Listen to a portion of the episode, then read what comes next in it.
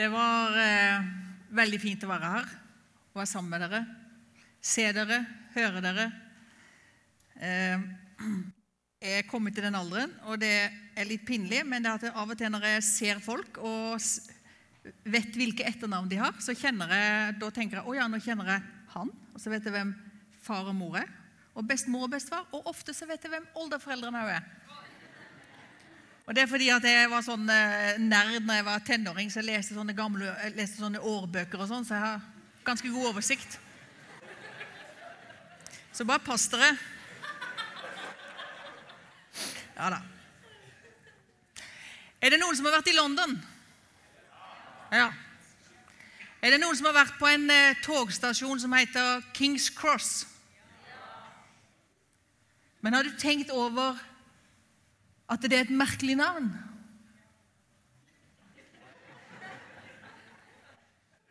Det er et enormt stort, stort eh, trafikknutepunkt. Men smak litt på det ordet. Kongens kors. Og så si 'kongens krone'. Eller 'kongens slott'. Eller en kongemiddag. Eller kongemakt. Eller privilegier og rikdom. Men kongens kors Det er noe helt annet enn eh, kongens trone.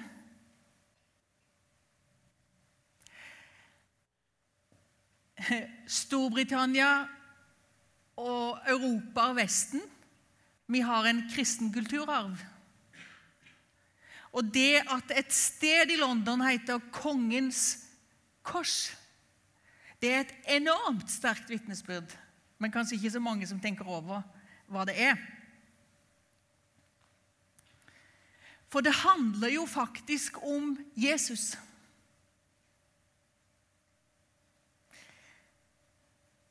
Jødene, når Jesus kom til jord, de hadde jo et eh, de hadde, Det var et mye, mye større problem for dem å tro at Gud skulle bli et menneske. Og at man i tillegg skulle tro at denne personen skulle dø på et kors, ja, det overgikk på en måte alt. For det gikk ikke an.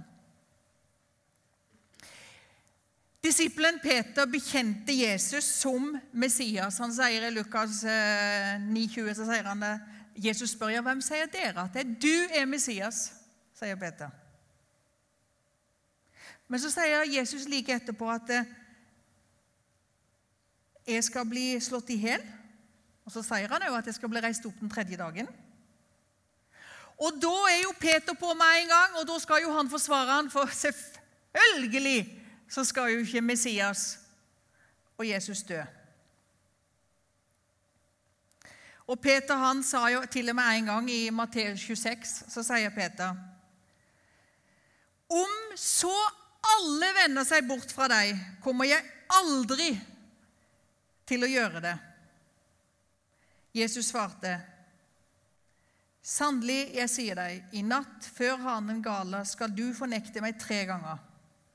Men Peter sa, Om jeg så må dø med deg, vil jeg ikke fornekte deg. Det samme sa også de andre disiplene.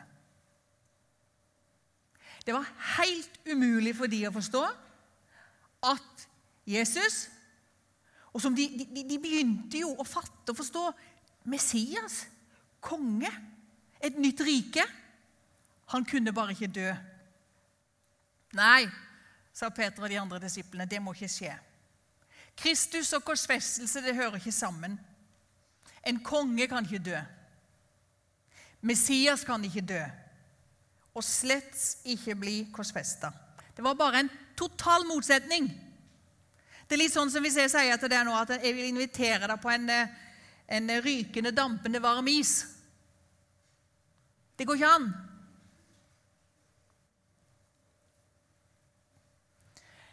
I 2. Korinterbrev 8-9 så, så er det jo sånn en motsetning. Det, det, det, går, det, er ikke logikk. så står det dere kjenner vår Herre Jesu Kristi nåde. Og så har vi veldig fort for å si ja, men det gjør vi jo. Enda han var rik, ble han fattig for deres skyld. Så dere skulle bli rike ved hans fattigdom.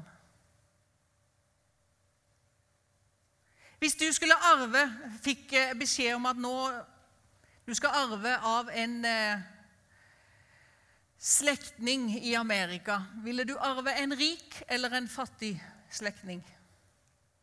De fleste av oss hadde syntes det var ok å arve en rik. Kristus ble fattig. Kristus ble en tjener. Den opphøyde døde. Guds sønn ble et sonoffer. Den reine ble urein. Den uskyldige ble skyldig. Den opphøyde ble satt sist. Den syndfrie tok all synd på seg.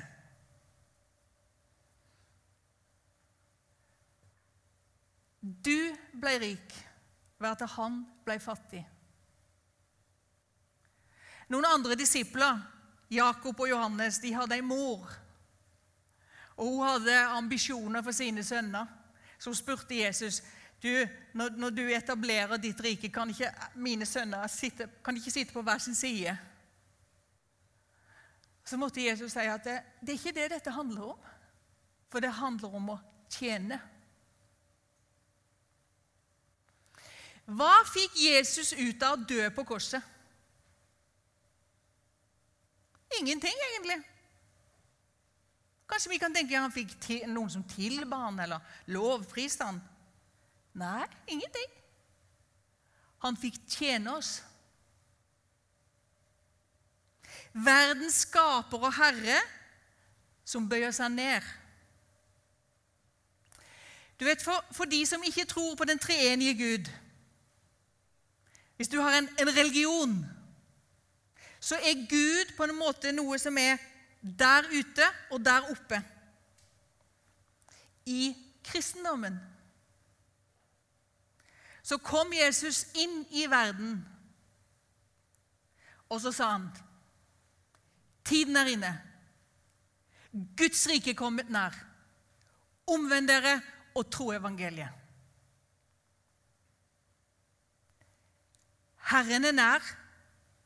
Herren er her. Og det er ikke religion. Det er Jesus i egen person i verden. Jesus, hvem er han? Han er Kristus, den salvede, kongen, Guds sønn. Jesus er ikke inspirerende. Og Nå siterer jeg en, en annen en. Jeg blir av og til bedt om å komme på sånne møter, og så, så vil de gjerne ha sånn inspirasjonssamling. Jammen ikke lett. Og Da ble jeg så glad når jeg leste Tim Keller som sa det, at Jesus han er ikke inspirerende. For religion, det er å gi gode råd. Dette bør du gjøre. Og når du hører på disse som gir råd, og hva og hvordan som du bør gjøre, ja, da kan du rett og slett bli inspirert. Men er det det samme som? Er det den samme følelsen som de har, som har hørt en god nyhet om noe som er gjort for deg? Hvis du får lov til å gå med et fredsbudskap inn i et okkupert land Tenk hvis det skjedde nå, at de sa freden er kommet til Ukraina. Og så fikk du beskjed om å gå inn fra landsby til landsby. Det, det, det, det inngått en fredspakt. Hva tror du folk ville sagt? Så god du er til å formulere det. For et inspirerende foredrag. Jeg tror vi kunne sett mange forskjellige reaksjoner. Men jeg tror noe av det siste de ville sagt, det var 'Å, så inspirerende'. Kanskje gledes, gledesutbrudd. Kanskje hulk.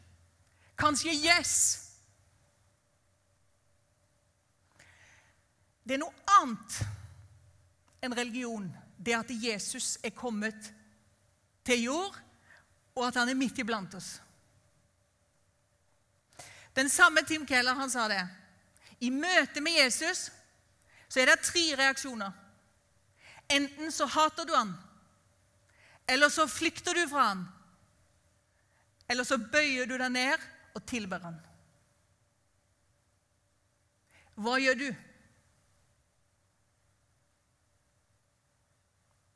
I møte med Jesus så vil mennesket enten hate han, flykte fra han eller bøye seg ned i tilbedelse. Og så skjedde det noe med Peter. Jesus som ble en tjener. Kings Cross.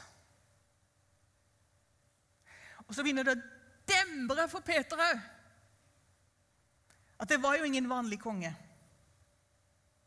Og etter oppstandelsen og på pinsedag så forstår og sier Peter at det var jo umulig for døden å holde han fast. Og så sier og taler og forkynner Peter, og så sier han Gud har gjort han til herre.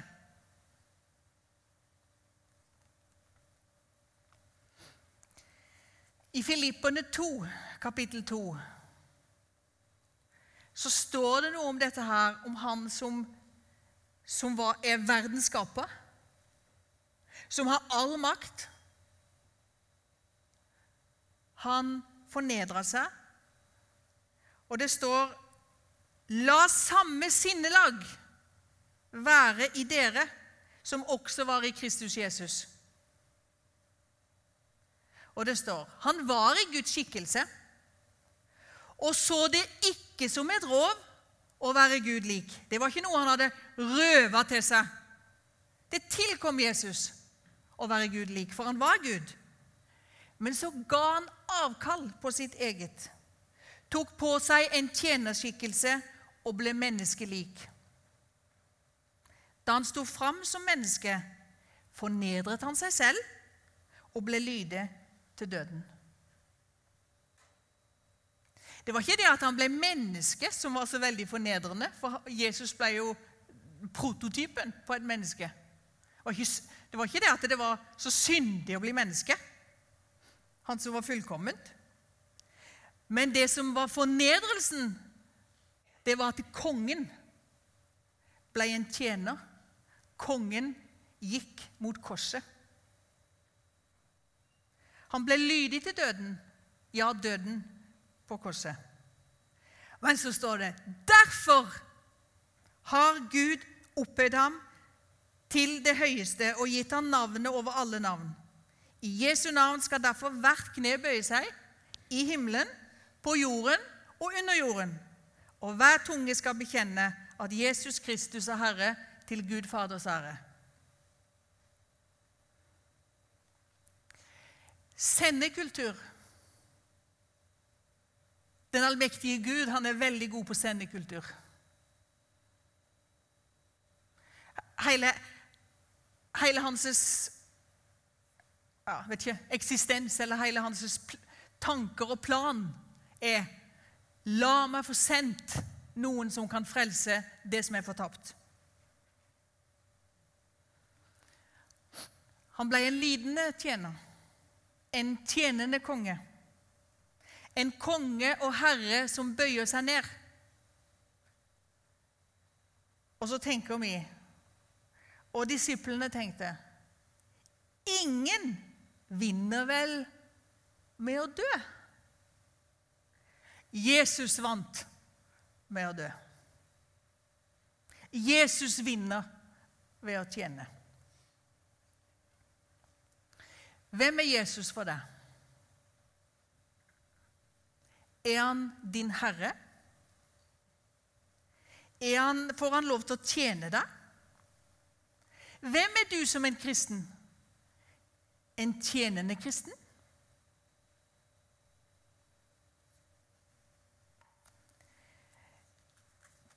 Når jeg leste fra Filippo-brevet, så står det om Jesus som, som var i, i himmelen og, og, og, hadde sin posisjon der, og som kom til jord, og som tjente. Og så står det 'La samme sinnelag være i dere som også var i Kristus Jesus'.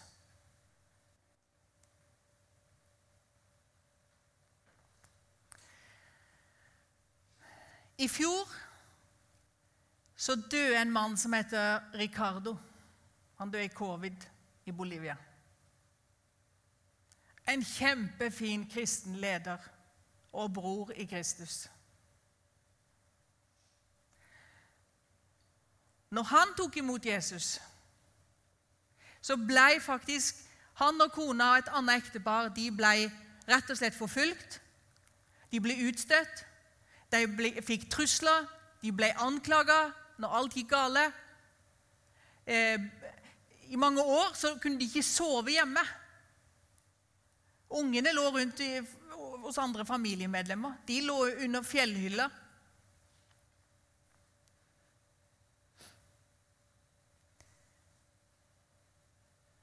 Det gikk ei tid, så bestemte rett og slett landsbyen seg for at eh, nå tar vi livet av dem.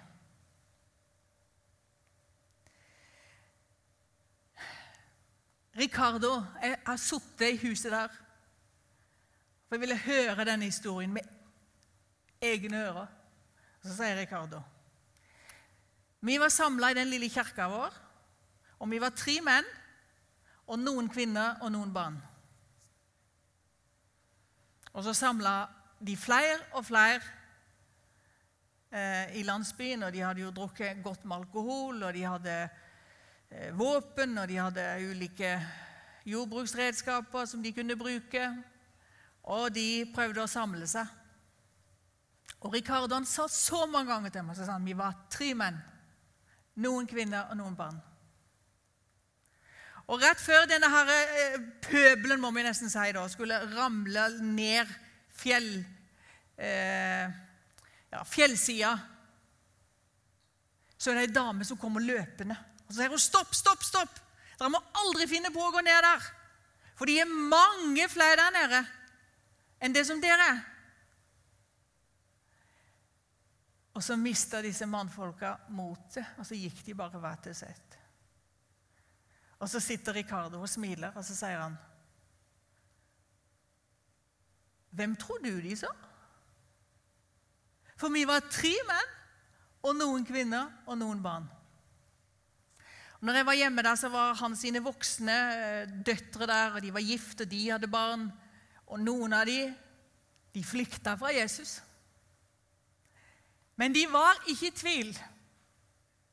Da sa de, 'Vi vet hvem det var, far.' Det var engler. Og Så smiler bare Ricardo så sier han, 'Ja, jeg så de ikke. Jeg vet ikke. Jeg sier bare hva fienden sa.' Etter en tid så roa det seg, eh, og Ricardo hadde fått en god del opplæring. Og han eh, begynte å forkynne, og så spurte jeg hva liker du å forkynne om? Og så sier Ricardo, som hadde opplevd forfølgelse og bli fryst ut. Og så sier han jeg liker så godt dette verset. Elsk deres fiender. Velsign dem som forbanner dere. Gjør godt mot dem som hater dere. Og be for dem som mishandler dere og forfølger dere. Slik kan dere være barn av deres far i himmelen. La det samme sinnlag være i dere som også var i Kristus Jesus. Det var i Ricardo. Jeg har mange ganger fortalt om ei venninne jeg har i Bolivia som heter Rosa, og som opplevde en så tøff barndom og ungdom, og for så vidt voksentid, med et så vanskelig og vondt ekteskap. Og Til slutt så, så måtte, hadde hun fire barn, og hun måtte bort fra dette. her, og Hun kjempa. Hun skulle ha mat på bordet og få dem på skolen. Og Så banker det en kveld på døra, og der går hun ut, og der står den tidligere ektemannen hennes.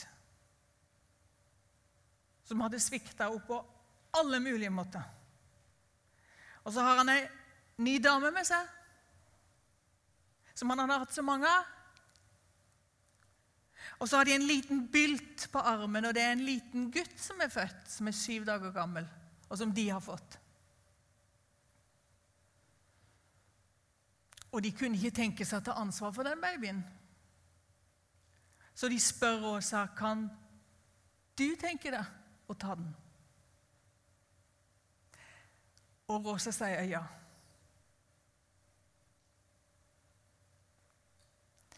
Der satt en gruppe fra Fjellheim bibelskole i Bolivia, i huset mitt. Og Rosa fortalte hele sin historie. Og vi grein, og det var ganske stille lenge etterpå at hun hadde avslutta. Så er det en av de som, som våger seg frampå, og så sier han, 'Men åssen kunne du, Rosa, som hadde opplevd så mye vondt, og en mann som hadde vært så stygg med deg, og han hadde gått med så mange andre damer Åssen kunne du ta den gutten?' Så sier Rosa noe fantastisk. Jeg tror ikke det er så mange verken i Bolivia eller Norge som forstår det, men en forstår litt hvis en har møtt Jesus. Og hvis en kjenner den tjenende Jesus.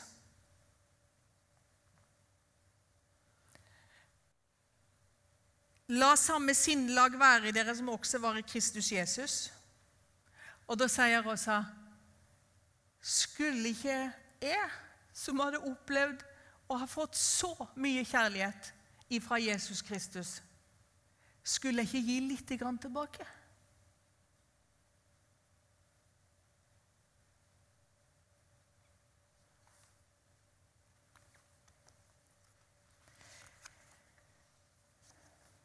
Jeg skal avslutte med en bønn som er skrevet av John Wesley. En overgivelsesbønn. Det er grunnleggeren av metodismen. Det er en så sterk bønn at av og til så orker jeg ikke be den.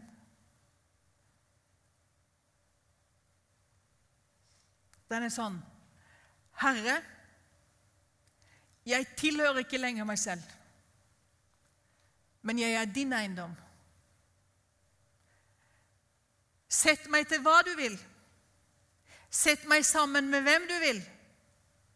Led meg til handling. Led meg til lidelse. La meg bli brukt av deg eller satt til side for deg. La meg være fylt, la meg være tom. La meg eie alt, la meg miste alt. Frivillig og av hjerte overgir jeg alle ting til din vilje og til din disposisjon.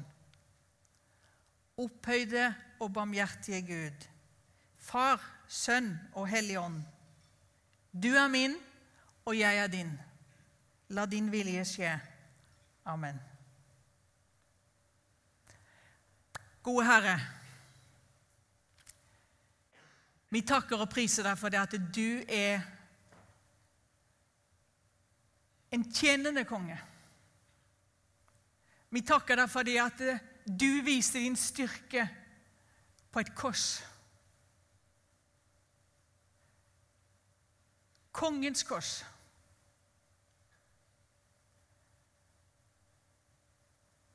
Herre, vi ber om at eh, du gir oss tro og glede og håp. Og vi ber, Herre, om at du fyller oss med din ånd og ditt sinnlag. La oss fortjene, Herre. Amen.